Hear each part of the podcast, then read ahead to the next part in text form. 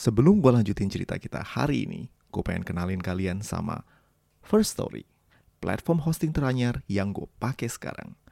Podcast Mitologi Santuy udah pindah hosting beberapa kali. Dan kali ini, gue yakin gak akan pindah ke lain hati. First Story adalah platform palu gada baru yang paling keren, lengkap, dan user-friendly. Bukan itu aja, gampang banget buat distribusi dan kelola podcast kalian di sini. Udah gitu doang. Eits, masih banyak fitur menarik dari First Story. First Story bisa kalian gunakan secara gratis. Yes, you heard that right. Gratis. Kalian bisa mengupload episode terjadwal dan juga mendistribusikan di seluruh platform hits di Indonesia. Dan yang menurut gue penting banget, tim customer service-nya responsif dan ramah banget karena terdiri dari tim yang berpengalaman dalam hal podcasting. Kamu bisa share podcastmu tanpa ribet dengan F-Link yang mencakup semua link platform dari sosial mediamu. Dan yang paling penting adalah monetisasi. Yes, dengan fitur V-Story Ads, kalian bisa mengakses monetisasi yang mudah dan beneran bisa lu cairin tanpa biaya tambahan dan tanpa repot. Cuan-cuan, kacing-kacing-kacing. Gapai potensi maksimal podcastmu dengan tools dari platform hosting terbaik untuk kita para podcaster. Yuk daftar sekarang di firststory.me dan bawa mimpi podcastingmu menjadi kenyataan. Orpheus berjalan dengan wajah sumringah, penuh dengan kebahagiaan. Matanya yang tadinya ketakutan, kini berbinar-binar memancarkan harapan dan hidup. Bagaimana tidak? Baru beberapa saat yang lalu, lehernya dicekik oleh Hades, sang penguasa maut. Dan sekarang, dia bisa pergi dari istana Hades dengan free pass plus Eurydice, sang kekasih hati, berjalan di belakangnya.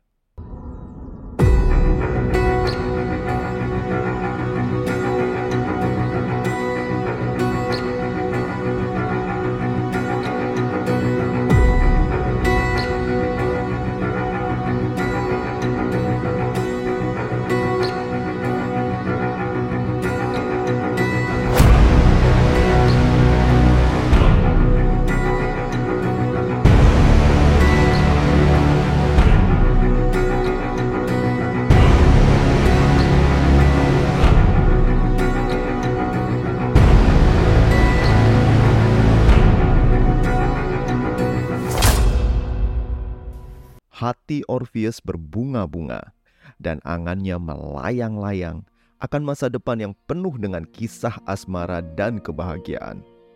Orpheus bisa membayangkan bagaimana dirinya akan membangun keluarga bersama Eurydice. Sang pujaan hati menunggunya setiap pulang dari konser atau menemaninya di tiap kesempatan.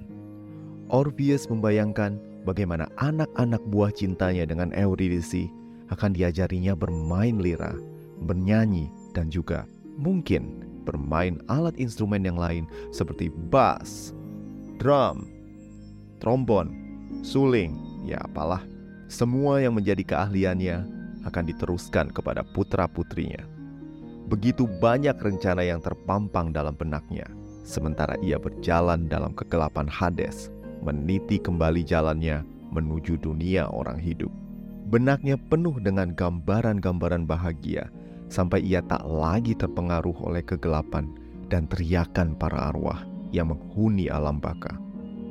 Untuk apa lagi takut dengan kegelapan jika cinta telah menerangi hati? Lagi pula, Hades telah menjanjikan bahwa perjalanan Orpheus kembali akan aman sejahtera. Tak akan ada arwah penasaran, para furia, atau penghuni neraka lain yang akan mengganggunya. Bahkan Kerberus akan tunduk mengatupkan ketiga mulutnya yang penuh dengan taring tajam ketika Orpheus lewat. Tak perlu khawatir tentang apa pun juga kan? Tinggal jalan balik ke dunia orang hidup dan menjalani hidup kembali bersama Eurydice di sisi. Yang dia perlu lakukan hanya berjalan ke depan tanpa melihat ke belakang. Itu saja kan? Iya kan? Orpheus teringat kembali kata-kata Hades sebelum dirinya pergi. Tapi ada syaratnya. Arwah Eurydice akan mengikutimu dari belakang. Dan kau, kau tak boleh sekalipun menengok ke belakang. Jika kau melanggar syarat ini, Eurydice akan kembali menjadi penghuni alam baka. Hmm, kalau ini saja syaratnya, tentu saja mudah. Tapi, apakah Hades akan menepati janjinya? Apakah ia bisa membawa Eurydice bersamanya? Hades terkenal tak pernah melepaskan arwah yang merupakan miliknya kembali ke alam nyata. Mungkinkah Hades punya rencana lain? Apakah ia bisa keluar dari alam maut dengan selamat? Apakah ada roh penyergap yang menunggunya di kegelapan untuk menangkap kembali dirinya dan Eurydice? Atau mungkin nggak kalau Hades sudah menipunya? Tidak boleh menengok ke belakang. Tapi bagaimana ia bisa tahu kalau Eurydice ada di belakangnya atau enggak? Gimana kalau ini semua hanyalah scam yang biasa dilakukan oleh para dewata untuk manusia fana sepertinya? Mungkinkah? Benak Orpheus kini dipenuhi keraguan, menggantikan segala angan indah yang menghiasi benaknya beberapa waktu lalu. Sungguh ajaib pikiran manusia, beralih dari satu angan indah, kini diselimuti oleh keraguan. Orpheus mulai ragu. Langkahnya yang tadinya ringan, kini berat. Sesekali Orpheus berhenti, berusaha untuk meneguhkan dirinya namun keraguan tetap menghantuinya. Orpheus tak berani menengok ke belakang, namun juga tak bisa menghentikan kebimbangan dalam hatinya. Apakah Eurydice benar-benar ada di belakangnya atau tidak? Orpheus pun memutuskan untuk memanggil sang calon istri, berusaha mencari tahu apakah ia ada di belakangnya. Eurydice, Eurydice, namun hanya kesunyian yang menjawabnya. Ah, bodoh. Tentu saja Eurydice tak bisa menjawab. Arwah tak bisa berbicara kepada manusia hidup kecuali ia telah menerima persembahan darah. Orpheus tetap berjalan maju. Namun, seperti cepatnya kepercayaannya pulih, keraguannya pun muncul kembali. Tapi, benarkah Eurydice ada di belakang? Mungkinkah selama ini ia hanya berjalan sendirian? Orpheus kembali bingung dan tak bisa menentukan apa yang harus ia lakukan. Langkahnya kembali berat dan hantu keraguan semakin mencengkram dirinya. What if? What if? Ah, tepi sungai Acheron sudah di hadapan. Mungkin Karon, sang penunggu arwah, bisa membantunya. Orpheus berpapasan dengan para arwah yang turun dari perahu Kiron dan sang pengantar arwah menatap Orpheus seolah tak terkejut dengan sang manusia hidup yang kembali. Karon hanya diam. Karon menunggu Orpheus untuk naik ke perahunya. Dan ketika Orpheus naik, peluru-peluru pertanyaan meluncur dari mulut sang musisi. Karon, Karon, apakah kau melihat sosok lain di belakangku? Dia wanita cantik berambut panjang dengan mata yang indah dan penuh dengan sinar kehidupan. Bibirnya merah merekah, tubuhnya sintal dengan kaki yang jenjang. Bisakah kau melihatnya? Adakah ia di belakangku? Karon tak menjawab. Sang pengantar arwah hanya mendayung perahunya tanpa mengatakan kata sepatah pun. Orpheus terheran-heran melihat Karon begitu berbeda dibanding saat pertama kali ia sampai ke alam baka. Karon, Karon, ngomong Karon. Karon tetap terdiam seribu bahasa. Matanya bahkan tak ingin menatap Orpheus, seolah Orpheus tak ada di sana. Bagai penumpang gelap yang tak dihiraukan oleh nahkoda kapal. Atau lebih parah lagi, bagai tikus hama yang nebeng kapal tanpa diketahui oleh awak kapal. Bisunya Karon dan silent treatment yang diterimanya membuat Orpheus semakin parno. Ketika kapal merapat, Orpheus masih bertanya kepada Karon, namun tak sepatah kata pun terucap. Karon hanya melambaikan tangan kanannya, tanda mengusir sang penumpang gelap yang tak semestinya ada di sana. Orpheus kembali berjalan menyusuri tepi sungai Acheron, berusaha mencapai perahu yang dipakainya untuk memasuki alam maut. inilah saat-saat terakhirnya. Tak lama lagi ia akan keluar dari alam baka dan kembali ke alam manusia yang disinari oleh mentari. Kegelapan alam maut tak akan lagi berkuasa dan Eurydice akan bersamanya. Tapi itu hanya ada dan benar-benar terjadi jika ia benar-benar ada di belakangnya. Orpheus bergumul dengan keraguannya. Tepi sungai ini adalah tempat terakhir di mana ia bisa kembali lagi ke alam maut atau berjalan terus ke dunia orang nyata. Keraguannya semakin membekap jiwa karena ia tahu ia tak mungkin kembali lagi ke alam maut kecuali ia akan mati. Di sinilah tempat terakhir ia bisa membuktikan kata-kata Hades. Orpheus bergumul dengan pilihan apakah ia harus menengok ke belakang atau berjalan terus. Konsekuensi akan tindakan yang diambilnya akan menjamin bagaimana masa depannya. Bahagia atau nestapa. Dan Orpheus yang telah dihantui oleh keraguan memutuskan untuk menengok ke belakang. Dan di belakangnya tampak sosok Eurydice, sang kekasih hati yang telah dirindukannya. Begitu cantik dan menawan, namun air mata perlahan mengalir dari kedua matanya yang indah. Sadarlah Orpheus kalau ia telah melakukan kesalahan yang fatal. Belum sempat Orpheus berkata-kata, dua sosok dari kegelapan melayang dan mengapit Eurydice. Dua sosok yang telah dikenalnya, dua furia yang merupakan pelayan Hades. Sudah kubilang, semua arwah adalah milikku. Keringat dingin mengucur deras di kening Orpheus. Orpheus berusaha menggapai Eurydice, namun Orpheus tak mampu bergerak. Eurydice menatap Orpheus dengan sayu dan dingin, tatapan yang tak pernah dilihatnya selagi dia hidup. Orpheus, Orpheus, kenapa kau biarkan keraguan membunuhku?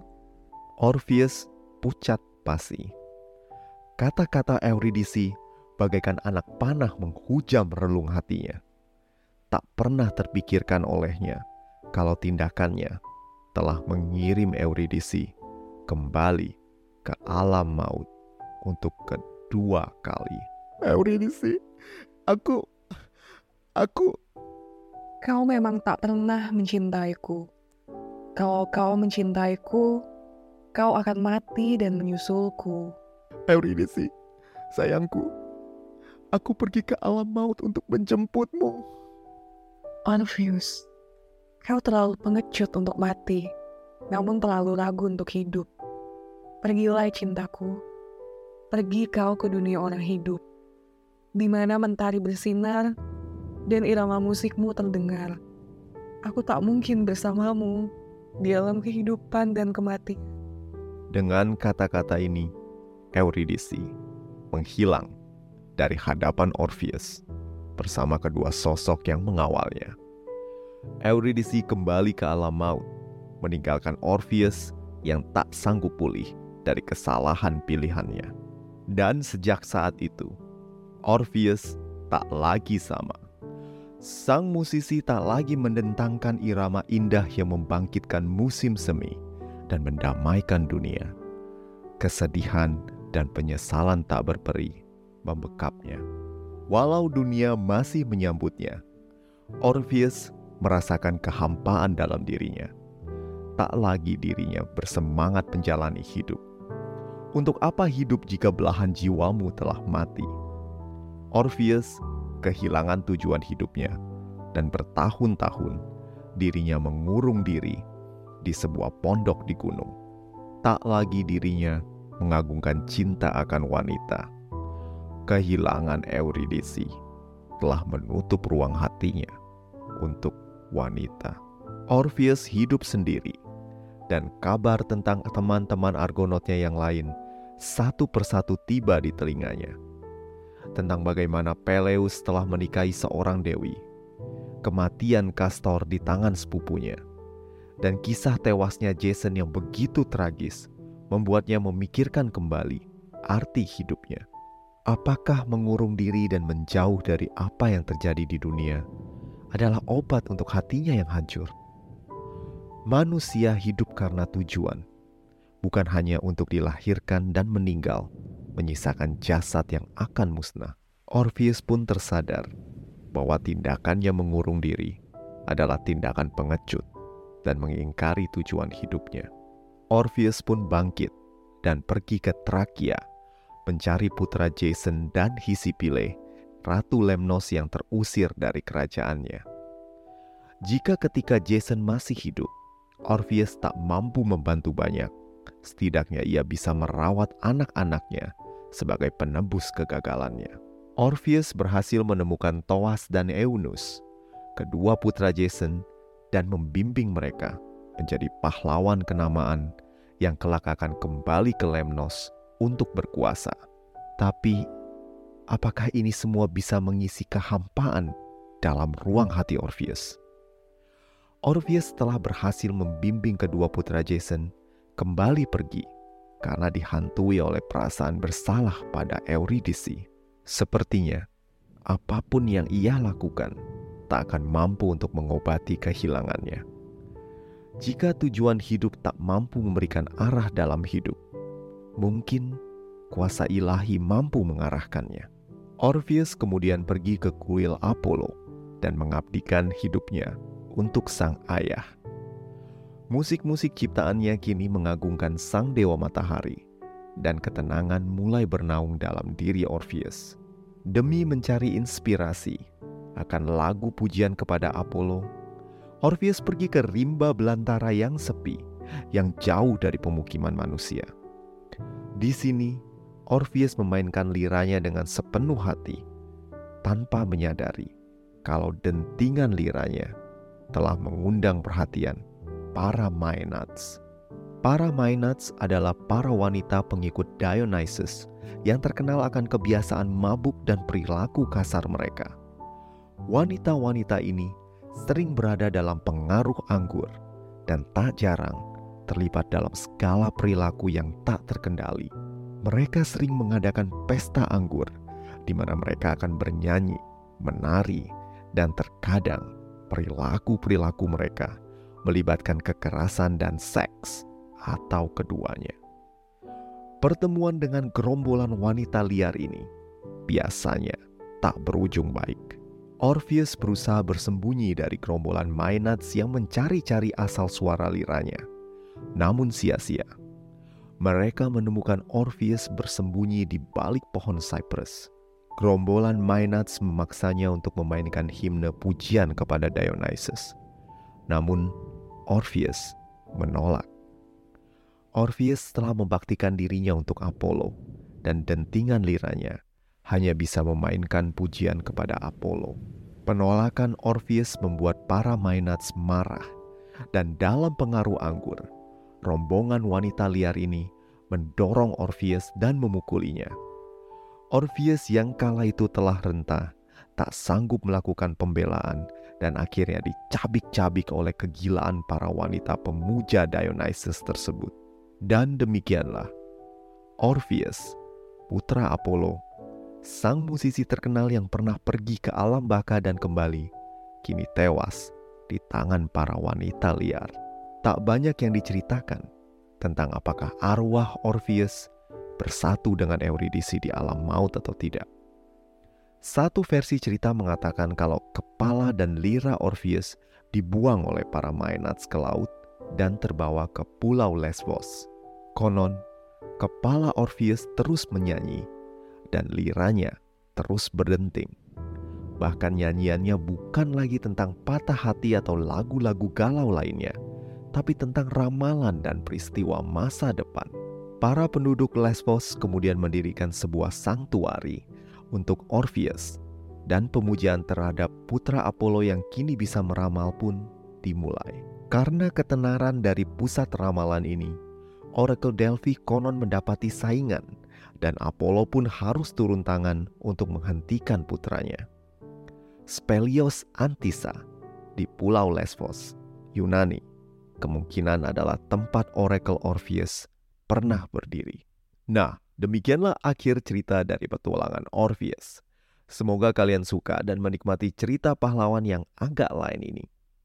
Anyway, podcast mitologi santuy akan libur selama dua minggu, terhitung minggu depan karena gue pengen liburan.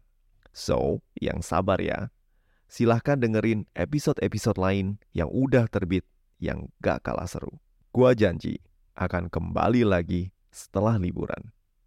Sebelum kita bubaran, gue mau ngucapin terima kasih buat seseorang dan fans fanska anak Poseidon, pendengar setia dari mitologi santuy yang udah traktir gue. Yang ini spesial banget, karena kayaknya dilihat dari jumlahnya nih, adalah kado ultah. Gue juga mau ngucapin terima kasih untuk Ocha yang udah bantuin gue isi suara karakter Eurydice. Tanpa suara lu, Eurydice tidak akan hidup. Oh iya, pada saat kalian dengerin episode ini, Mitologi Santuy sudah menginjak usia 3 tahun. Yay! Thanks buat supportnya ya guys. Anyway, buat kalian yang kepengen dukung podcast ini, silahkan mampir ke laman traktir mitologi santuy yang tersedia di deskripsi episode. Udah dulu ya, see you and happy holiday!